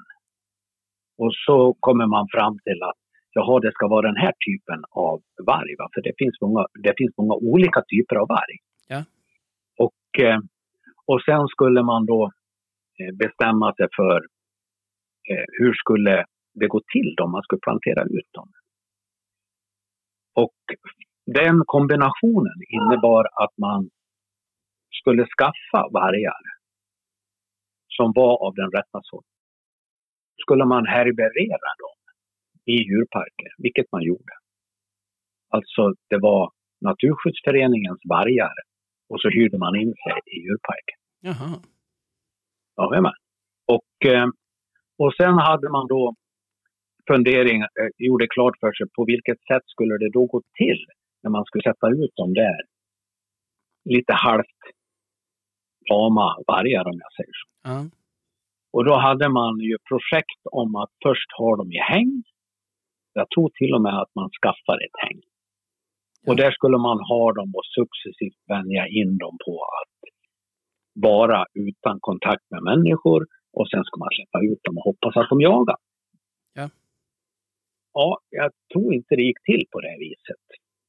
Men man hade i varje fall klart för sig att skulle man... Eh, alltså frågan var, jaha, om vi nu ska plantera ut den här, de här vargarna som vi nu har bestämt hur de ska vara och som vi då har stambokfört, vilket de gjorde. Då måste vi bestämma var någonstans börjar vi. Och då valde man eh, norra Värmland, västra Dalarna. Ja. Och skälet var mycket mat, det vill säga älg, och lite folk. Ja. Ja, och när man väl kom fram där, då gjorde man en slutrapport som hette Projekt Varg. Den går att, att, att få tag på, finns på nätet. Alltså det är ju helt otroligt. Ja, ja det, är, det är jätteintressant. Och då- där, där så, så skriver man då 76 att nu är det färdigt och så här ska det göras. Och så sökte man hos Naturvårdsverket tillstånd att få plantera ut. Och det där ältar man med. Jag vet inte varför det tog så lång tid, men det tog två, tre år. Och så fick man nej. Ja. Och då, ett år senare, och det vet jag inte heller vad man gjorde under tiden, men ett år senare så sökte man igen. Och så fick man nej igen. Och nu är vi framme, jag tror att den där skriften kom ut 76. Och så planterar man, skulle man, ja, man fick väl nej andra gången 79 eller något sånt där. Ja. Och sen i början på 80-talet, några år senare, då dyker de bara upp precis där Projekt Varg har sagt att de skulle sätta ut dem. Ja. Som av en slump. Ja, men jag säger att, jaha, om, om du då har de två alternativen, antingen plante- planterar de ut eller också tog de sig in på egna ben. Och då gick de ju i så fall, kom norrifrån Ja. eh, via Bottniska viken. Och sen skulle de då ha lyckats gå genom hela renbetesland utan att samerna upptäckte det. Och av någon fantastisk anledning slå sig ner precis där Naturskyddsföreningen ville att de skulle planteras ut. Ja. Ja, hur är sannolikheten för det? Väldigt liten skulle jag vilja säga. ja, obefintlig. Sen har du den andra grejen. Det, Ja. det är klart att där den sattes ut så märkte ju folk det. Ja. Så helt plötsligt då, så börjar folk där uppe och reagera för att mycket märkliga saker händer där uppe. Bland annat vittnen som säger att jag helt plötsligt när jag kommer och åker på vintern i snön så ser jag ju eh, vargspår som sticker iväg från vägen men det finns inga inspår. Ja. Och att det dök upp mycket märkliga människor där då. Och då alla de där, ska vi säga, vittnesmålen, det redovisas i ett tv-program som heter Ulvemysteriet. Okej. Jag tror att det också går att få tag på. Och det visades i norsk tv men inte i svensk. Ah, okej. Och sen i den här perioden, och nu kommer jag till nummer tre, den här perioden så hade man upptäckt att man kunde följa eh, släktskapet via Y-kromosomen på fädernet. Ja. Och det var ju intressant då att, för genetiker. Och samtidigt var frågan väldigt eh, infekterad kring vargen då. Att den, den måste ju ha planterats in. Ja. Så då tog hon och samlade in då DNA från eh, ha- hanvargar i skandinaviska populationen, djurparker, finska populationen, estniska och lettiska. Ja. Och så jämförde hon, var får hon en match? För det går, det går inte att gömma, vet du, att de, om de är, är släkt. Då. Ja. Utan så där, urfaren finns alltid med. Och hon fick ingen träff. Slutsatsen, därifrån kom de inte.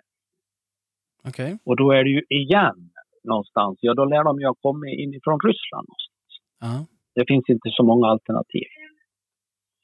Och det är nog troligt att det gjorde det. Va? Så de där tre grejerna tillsammans säger ju att det är klart de planterades in. Samtidigt är det väl klart att det är väl ingen som går och säger det var jag. Nej, nej, nej, det är ingen som räcker upp handen och, och, och säger att, det, att de tar på sig den. Nej, Men, så är det ju. Vet du. Och om du lägger ihop dem där och så säger du, hur är det möjligt att överhuvudtaget plantera ut dem? Så förstår du ju också, om du tänker efter, hur ska det gå till? Det är ju inte som att gå, gå in på, på ICA och köpa en varg och slunga ut. Nej. Utan det måste ju vara en, en människor som har kontakter. Eh, som har kunskap om hur man ska hantera och har grejer va? Eh, för att göra det där. Och då är du nog tillbaks i de människor som, som var engagerade i Projekt Varg. Ja. Det är den enda logiska förklaringen. De planterades ut av människor som var engagerade i Projekt Varg, naturskyddsföreningsmänniskor. ja, det är klart. Jag menar, det är som du säger, listan på de som vet vart man kan köpa en varg på rot, den måste ju vara extremt kort. Ja visst, och det var ju de som naturligtvis har hållit på med det. Ja. Och det var ju det som Naturskyddsföreningen höll på med. De skulle ju plantera ut dem. En, en, en tanke som har slagit mig som, som jag tänker att jag, som talar emot att de skulle ha gått in, vandrat in från Ryssland, det är att en, en varg som kommer och så går den förbi och så går den genom hela renbeteslandet och tänker att ja, men den här maten, den var inte så god. Jag går förbi, det kanske finns bättre. Renarna måste ju vara det bästa som finns för en, en, en varg. Ja, i vilket fall så gör de ju alltid en stor skada. Så samerna kan ju inte undgå Nej. att märka om det går en varg igenom. Så du vet att det där med att ha planterades de ut eller inte, den frågan är, är klar. De planterades ut och vi kommer aldrig att få reda på vem det var. De gör lika mycket skada i varje fall. Så jag har sagt att ja, men det är klart att det är så. Och de här människorna inga, är, ja, de agerar lite grann som de gör inom Naturvårdsverket när de ser till att det blir bara fler och fler. Ja. De vill så hemskt gärna att det där skulle uppstå. Och så fixar de det. Ja, ja nej, men det är som du säger. Om, om, man, om, man, om man har en grupp människor som, som kommer med ett förslag. Vi vill göra det här. Nej, det får ni inte. Vi vill göra det här. Nej, det får ni inte. Vi vill göra det här. Nej. Och så sen då händer det. Ja, men då är väl, det är väl de första jag skulle undersöka då i sådana fall. Så är det. Men det har aldrig undersökts. Det har, aldrig, det har hela tiden bara skjutits undan. Och, ja, skit i samma. Vi kommer inte få reda på det nu heller. Nej. vi får, får naturligtvis försöka ta tag i de problem som det där skapade. Ja, men hur ser det ut med den biten? Alltså, om man ska prata om en, en lösning på den här varg, vargproblematiken. Vad, vad ser du för, för det? Det är att vi får, får eh, jaga dem hårdare. Jag tror att det finns en lösning. Va? Och att vi fortfarande ska kunna säga att vi följer EUs förordningar. Ja. Det vill säga art och habitatsdirektivet och fågeldirektivet. Som reglerar det där. Det kan vi göra. Och vi kan skjuta ner vargpopulationen till 170 vargar i Sverige. Och fortfarande hävda, jo men vi följer regelverket. Ja. Och om vi då säger 170 vargar, det har vi även ett riksdagsbeslut på. Så att även för inom svenska regler så skulle vi kunna säga 170. Vi har ett riksdagsbeslut att den minsta population ska vara 170 till 270. Och varför inte säga det att ja, men vi ska ha minsta population. Vi ska ha så lite skador som möjligt. Ja. Och då hamnar man på 170 vargar i Sverige. Det kan man i och för sig ifrågasätta om det inte kan vara mindre, men skit i det. Då, då är vi vid riksdagsbeslut. Sen säger också riksdagsbeslut att de vargarna ska vara spridda över landet. Alla ska ha lika god möjlighet att ta, ta, äh, ha det goda och det onda med varg. va. Ja. Och då, om du då säger så här, ja men, eh, och det här gjorde vi, vet du. Vi skrev en bok 2011, jag och två personer till, när vi hade undersökt hela den här problematiken och lärt oss den. Och skrev en bok som heter Varg och landsbygdsboende. Ja. Och i den presenterar vi den lösning som jag tror faktiskt kanske kommer att bli nu. Ja. Det där är ju 11 år sedan. Det tog bara lite för lång tid, men Ja, kanske då. Men eh, då säger vi det att ja, men nu ser vi, nu tittar vi på storleken på varje län. Vi, vi säger att vi ska ha de här spridda länsvis. Ja. Och då ska vi ha ett antal beroende på dels arealen och dels tätheten av människor och tamdjur. säger så. Att de som har mycket fårgårdar, län som har mycket fårgårdar, eh, får då sig tilldelad lite mindre. Ja. Och de som inte har några stora marker så får mera. Då. Och då kommer du in vet du att ja men då, då blir det inte mer än kanske en, två per län. Mm. Mm. Och om du då säger det att ja, ska du ha en per län, det är många, många län som bara får en föryngring, eller en, en, ett revir. Så blir det ju nya revir. Och så fort som det blir ett nytt revir, då ska det gamla tas bort. Ja. Och då får du per automatik en viss fördelning inom geografin. Ja. Ingen kommer att behöva ha de problemen kanske mer än tre, fyra år. Nej. Då, då tror jag man kan stå ut med det. Ja, men också sen får du ju en, en, en naturlig en licensjakt på varg som jag tror är, är hälsosam för vargens egna bästa. Alltså att den måste, man måste lära dem att de ska vara rädd för människa. Att de ska springa ifrån och inte till en hund som skäller. Absolut. Nej, men det, det är också en effekt. Va? Ja. Jagas de så blir de ju skyggare. Precis. Nej, men den där, eh, det tror jag det finns en lösning och, och eh, nu har vi i varje fall en, en eh, regim som har sagt att de vill, vill genomföra det. Ja. Ja, får, får vi se då. Det kommer naturligtvis att bli fullt motstånd från den, den sidan som har sett till att vi idag har över 500 vargar. Ja, absolut. Det, det är något annat väntade då inte jag med. Alltså det, det kommer det ju vara. Nej. Men, men det känns också som att det, alltså, opinionen börjar skifta också. Att, att fler och fler drabbas utav det och, och förstår att det, det är inte så kul att ha dem springandes runt, runt husknuten. Och att eh, vi, vi, vi, vi, eller vi, de som drabbas, jag drabbas ju verkligen inte hårdast utav det här, men de som drabbas, att de också blir bättre på att, att eh, förklara alltså nersidan med varg. Ja, absolut. Så jag håller tummarna att, att vi, vi når det. Ja. Vi, vi här uppe vi drabbas ju mer indirekt eftersom ingen vill jaga där det finns varg, så då blir det ju trängre där det inte finns. Ja, Så vi är är också. lite var, vargflyktingar. Och det är ju kul att träffa nytt folk såklart, men, men ja. Ja, och sen har man då eh, uppe i norr så har du Sameland va, som är väldigt svårt att säga att det går att ha renskötsel och varg.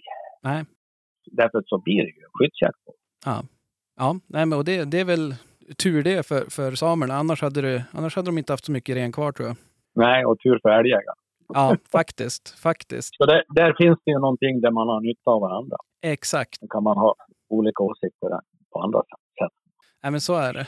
Eh, jag tänkte det att vi, vi, vi har surrat i, i 50 minuter nu och jag har ju Ja. hur många frågor kvar som helst. Mm. men jag vill heller inte skynda på för det är så himla intressant att, att lyssna på när du, när du berättar om de här grejerna. Så att, eh, för det, det som är, det vi inte har varit inne någonting på, ja men det är ju hela den här farsen till rättegång och hela den biten. Ja, Eh, för det är ju också någonting som, som jag vet många med mig, alltså jag vet ju mina kompisar nu som knappt vill prata jakt på telefon längre. nej, med, med rätta. Ja, de vet inte vem som lyssnar och, och hela den där biten att, att bevisligen, så jag menar du är ju bevisligen oskyldig. Ja, Det är ju det är liksom bevisat i, alla möjliga instanser. Och ändå så har du ju blivit dömd till, vad, vad blir det, typ nästan fyra år. Alltså, ja, du har ju blivit bestulen på fyra års jakt och välmående eller vad man ska säga. ja, ska man säga. Och jag menar, det är ju, det är ju de grejerna, alltså det som jägare så är man ju väldigt utsatt. Alltså jag vet inte, jag försöker tänka på det. Finns det något annat område där man kan bli straffad utan att, utan att ha gjort någonting så att säga? Ja, inte vet jag. Nej, det tror jag nog. Det finns. Ja, jo men det är ju, ja jag vet inte, jag tycker, Ja, alltså det här som jag, jag har upplevt, vet du, det är ju en, ja, ska man säga, en vänskapskorruption. Alltså allt det här som har skett ja, är ju inte slarv.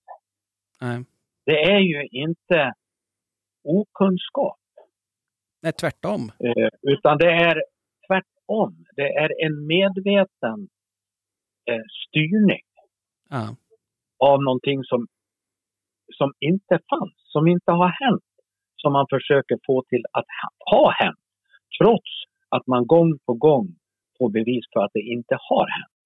Och det är bara för att eh, skada mig, som väl kan ha en eh, bakgrund i att jag har, jag har engagerat mig i frågan. Jag har torgfört den på ett sådant sätt som ur deras perspektiv så passar det inte. Nej.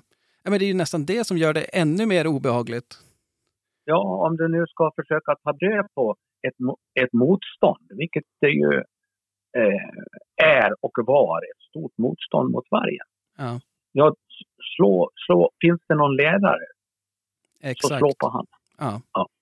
Och lite så tror jag det ligger med i bilden. Va? Sen kan det ju finnas andra grejer som gör att de inte gillar mig.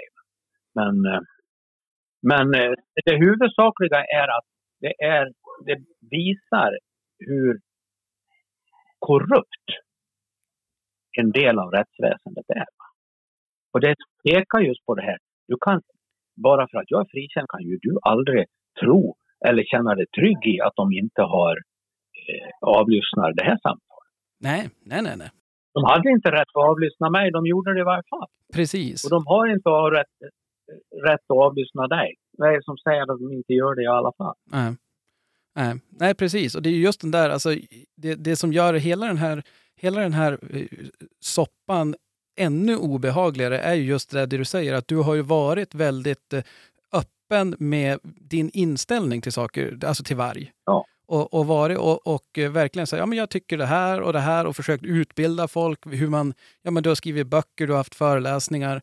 Och att eh, när man då, om man har då en, en grupp människor som vet det att även om vi inte, även om jag vet 100% att du inte har gjort något fel, så vet jag att processen jag kan sätta igång kommer att straffa dig. Ja. Och om, det, om man gör det då på grund av det du tycker i en fråga, då är det ju, alltså det är ju, ja det är jätteobehagligt. Ja, det är jätteobehagligt. Och eh, allting startar ju då med en, en psykiskt sjuk människa som är livsfarlig. Ja, Som de bara eh, släpper iväg. Därför att det passar inte deras syfte. Och sen rullar det bara vi- vidare med, med olaglighet på olaglighet. Och när man anmäler det så lägger de bara ner. ja. Så hela den där rättsapparaten. Du, nu, nu, nu, nu ringer de här. Och, Ja. Men vi, vi avslutar lite snabbt. Ja, men du, stort tack att vi fick ringa och, och, stö, och störa dig lite grann, Karl. Jag vet att du är en upptagen man, så att vi ska släppa iväg dig. Stort tack och eh, skitjakt om du ska ut och jaga någonting här i helgen. Jajamän, det ska jag. Tack för det. Tack, tack. Ha det gott. Ja, tack. Hej. Hej. Ja, men sådär, då var vi tillbaks. Jajamän. Det där kan jag hälsa för, för er, innan, utan att ni har hört det. Mm. Den, jag, jag hade kunnat prata länge med han. Mm. Länge, eh, jag hade kunnat prata säkert i dagar tror jag. Mm. För, för, för någon, eh, någon som är så påläst och duktig när det gäller så mycket och så mycket erfarenhet, alltså det är... Där måste verkligen försöka hinna störa han ytterligare. Mm. Det, det ser jag väldigt mycket fram emot. Ja, det var synd att jag inte kunde vara med, men, men det kom säkert fler gånger. Ja, ja vi hå- håller tummarna. Men, eh, Så att vi gör så vi, vi släpper det och så Mm. får vi återkomma till det. Vi sa ju det, det sa vi likadant förra veckan när vi hade pratat med Daniel Linje. Ja. Och eh, jag vet inte, har ni, eh, eller det var ju du med på, men har, Krilla, har du hunnit lyssna igenom det? Är det någonting som du tänker, som du, några frågor eller funderingar som väcktes? Nej, det är ju det är ju bara det där att man, man får ju mera på pränt att, att älgstammen är, inte bara i sin egen lilla bubbla. Det är så, det är som är. Så är det. Ja, jo, verkligen. Att det är ju inte, det är ju inte, ja, det är inte så bra. Men jag, tyckte, jag, jag tycker att det känns ganska positivt på ett vis att så högt upp i hierarkin att det börjar höras röster där också. Att det är, nu är det Ja, men att det måste ses över det där Mm. alltså från 2012 med älgförvaltningen. Precis. Att det borde kunna utvärderas eh, Ja, precis. på fler, alltså på, inte bara för inbördes beundran utan att, det, att det, regeringen eller riksdagen eller vilka nu det var, men Mm. Ja, att det tittas på. Ja, Ja, det är ju, och det är ju som han var inne på, att det, det, dit det bär, dit bär det. Att det, är så, det, det finns en alldeles för stor tröghet i systemet. Mm. Så att det, Ja. ska det höj- höjas så blir det för högt och ska det sänkas så blir det för, för, för lågt. Mm. Och att vi inte, just det där att se över den där senaste älgförvaltningsplanen eller vad det heter, älgförvaltnings... Vad heter det? Ja, det, Ja, är det förvaltningen? Ja, Ja. Att, att, att se över den, det, det tror jag verkligen är... eh, Nödvändigt. Ja, Ja. verkligen. Men det, det känns positivt när han, till och med han säger det. Ja, det som jag gillade med det som, som eh, ja men vi var ju med, men alltså det jag Mm. gillar, det jag blir glad av att höra, det är just det där med att de som, många av de som sitter och bestämmer nu faktiskt jagar och Mm. är aktiva och har hundar och alla de bitarna. Mm. Att, att de är, eh, ja men det säger sig ju självt, om man har jägare som är med och bestämmer och styr och ställer, det är klart de har en bättre förståelse och Ja. för, förstår problemen som till exempel varg innebär för, för jägare många gånger. Mm. Ja, ja, exakt. Och ha den, det är ju superbra. Det tror jag Ja. kommer vara jätte, jättebra. Ja, ja, ja, det är helt suveränt. Men vet du, jag kommer att tänka på, vet du vad vi ska ha gjort? Nej. Vi ska samla ihop de här pol- politikerna som jag och så jagar vi älg med dem. Ja. Tänk dig vilket jävla roligt. Sitta och snacka politik vid en lägereld. Ja, men, och där har vi ju annars ett gäng som man kan säga, man, det ingår i riksdagen. Ja. Nu ska du hänga med och gå med mig så inte min hund blir så trång sen när jag ska stå på prov. ja, det borde man kunna ha som anfallsvinkel. Nej, alltså det, det, skulle vara, det skulle vara trevligt, men, men ehm, det är Svår- svårt. Styr du upp det? nu vet jag att vi är ju tre i den här podden och det är en som är jävligt duktig på att styra upp saker och det är inte jag. Ja, nej, men då tar vi det nästa vecka. Nej, nej, vi, jag sa det, vi har ju pratat faktiskt med, lite, med, med några politiker. Vi har Ja. inte jagat med dem, Nej. men vi har ju pratat med dem. Så att det är ju, det är, eh, men det skulle vara trevligt. Och, eh, Jävligt trevligt.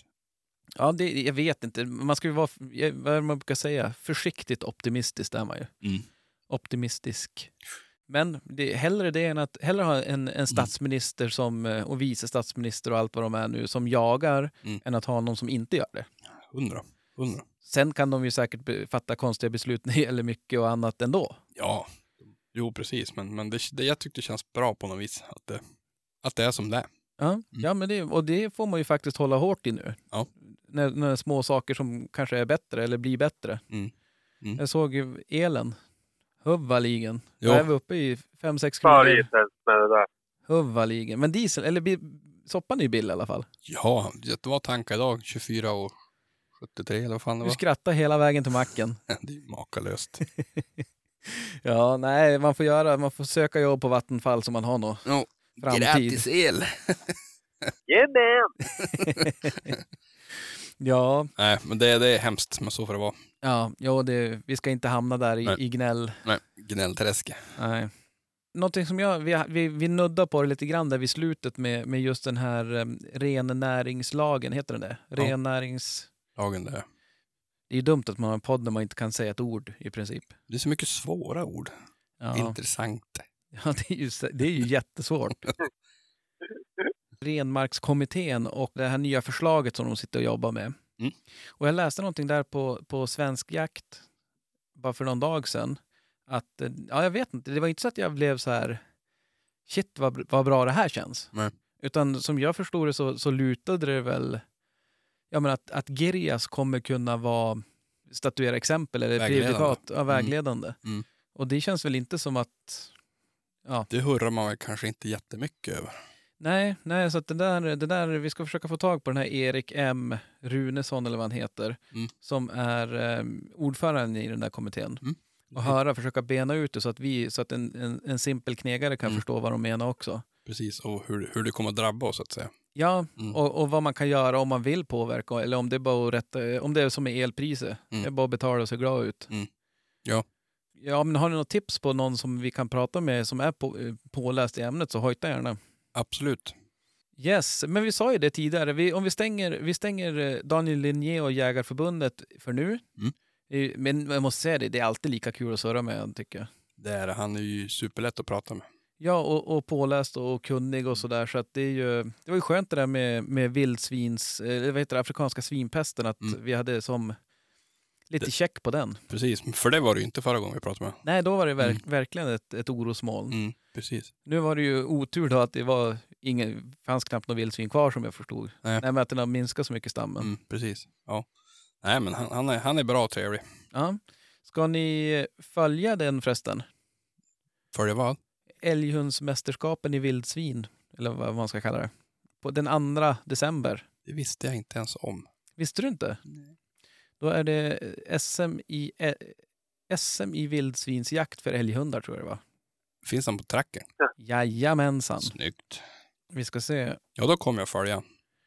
Ja, vildsvinsmästerskap för älghundar 2022. Och alla med tracker kan följa med och titta där på en kod. Vi ska se, vi kan ju säga den, men gå annars in på typ Trackers eh, Instagramflöde eller någonting. Där kan ni se den. G O H O M I D A F O. Ja. Vad dåligt det var att läsa en sån kod, men gå in på, gå in på Instagram om ni vill följa det där. Det, där. Där står eh, koden säkert på deras Facebook-sida också. Mm. Så det kan ju vara lite intressant att se hur det, Hur de jobbar. ja, Ja. Hur, hur det går och vem som vinner det. Absolut. Det är Östsvenska Älghundsklubben som, eh, som arrangerar det. Mm.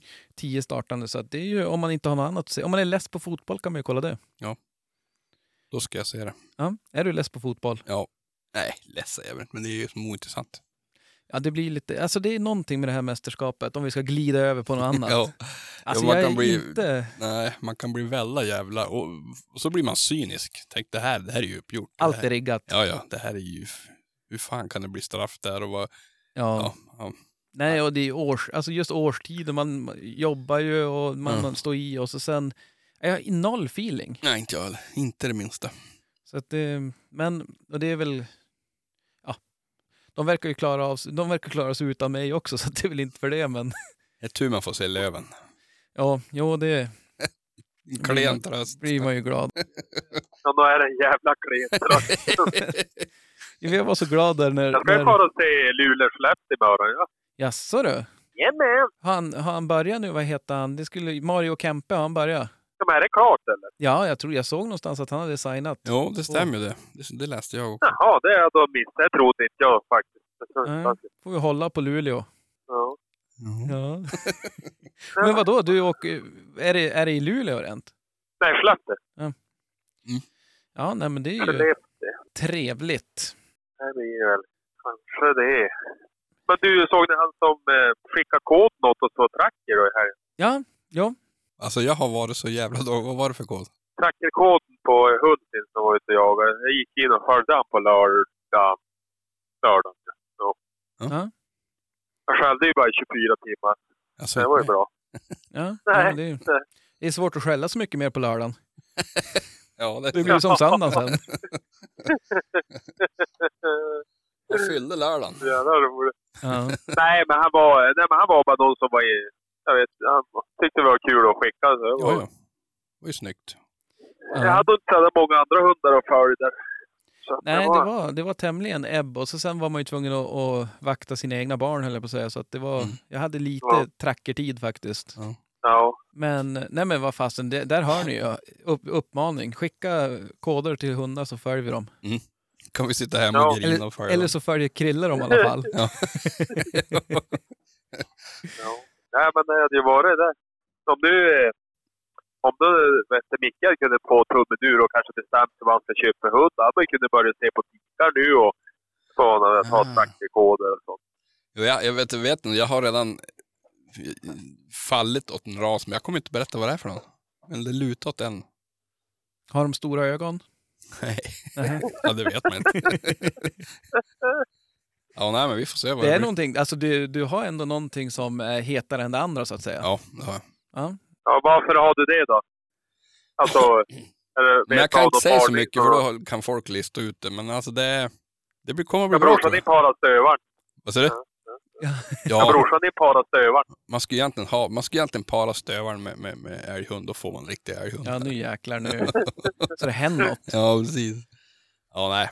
Nej, men det lutar åt en ras, så vi får se vad det blir då. Men en gråvaktel kanske? Ja. Eller kanske inte. Ja, men då får du tänka då om det blir rådjur så är det inte hela världen. Nej, du tänker så. Så kan det ju absolut vara. Det måste man ju snart sadla över och bli rådjursjägare. Ja, jo, det, Jag känner att det börjar mer och mer luta mot rådjurshund. ja, jo, det är väl bara att börja skjuta. Ja, eller jag ska ge henne ett år till och är det likadant då, då kommer hon bli rådjurshund. Ja, nej, det är, jag, jag såg det nu att, eh, det vet vad vi måste göra mycket. Nej. Vi måste börja kolla oss omkring om lite nya marker. Jo, vi måste göra det.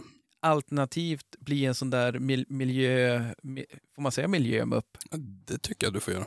Som överklagar. Vi får leta upp något litet grodyngel eller något sånt där så de får skjuta på det här Norrbotniabanabygget. Ja, men precis. För Det kommer ju inte bli så himla lyckat för oss, men ja. Nej, det blir inte något, något superbra hundmärker är jag rädd. Nej, det, det kommer verkligen inte bli, men Man får väl tigga sig och fara upp till älgmäckat där i Åskilje. ja, vi får bygga oss en stuga där och bo där på hösten. Vi går ihop och köpa ett, ett hus där. Ja, Granne. tok jagar vi bara. Krilles älgar. Ja, vet du. Jag börjar vara så gammal så innan jag har tagit dit har jag slutat jaga. Uh, gått i det. Ja, vadå? Nu är det ju... Har du bara varit... Har, har Like skällt någon än? Nej, det har hon inte. Jag vågar inte ha lös hon faktiskt. Hur gammal är hon nu? Sex månader. Åh, jävlar Ja. vad tiden går fort. Eh, Alltså det Hon var ju bort fan. Jag var ju bara ute med hon där en sväng. Alltså, hon, har- hon var ju becksvart men det var ju som inte hade någon betydelse. Hon gillade ändå inte att komma till mig. Så Ja. att det får bli att vänta till nästa år där man har hela dagar på sig och, och vara ute. Så att Ja. Jag går inte att ha, ha någon tidspress utan man får man måste lägga tid Ja. och göra det direkt innan någon har redan börjat lära, alltså tänka fel banor så att säga. Mm.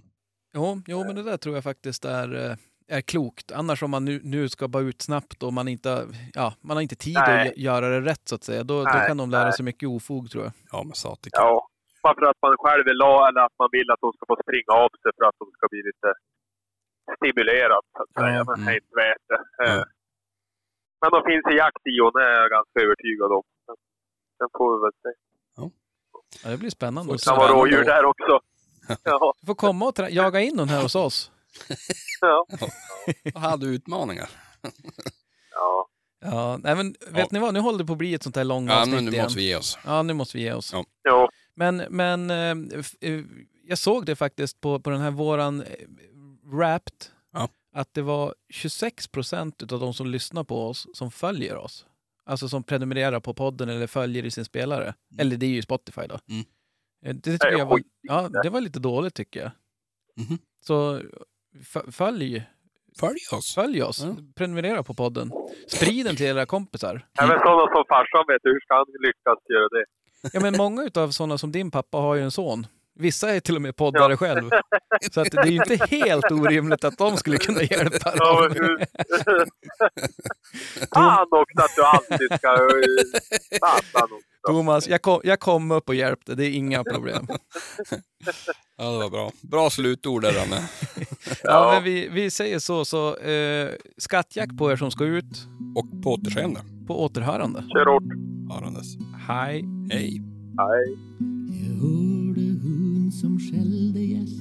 Rune fast, det var väst och jag stod kvar på post på Säterbrua. Han svor och grumta som en gris. Det var för mycket busk och ris. Det enda som man såg var halve kua. Halve kua.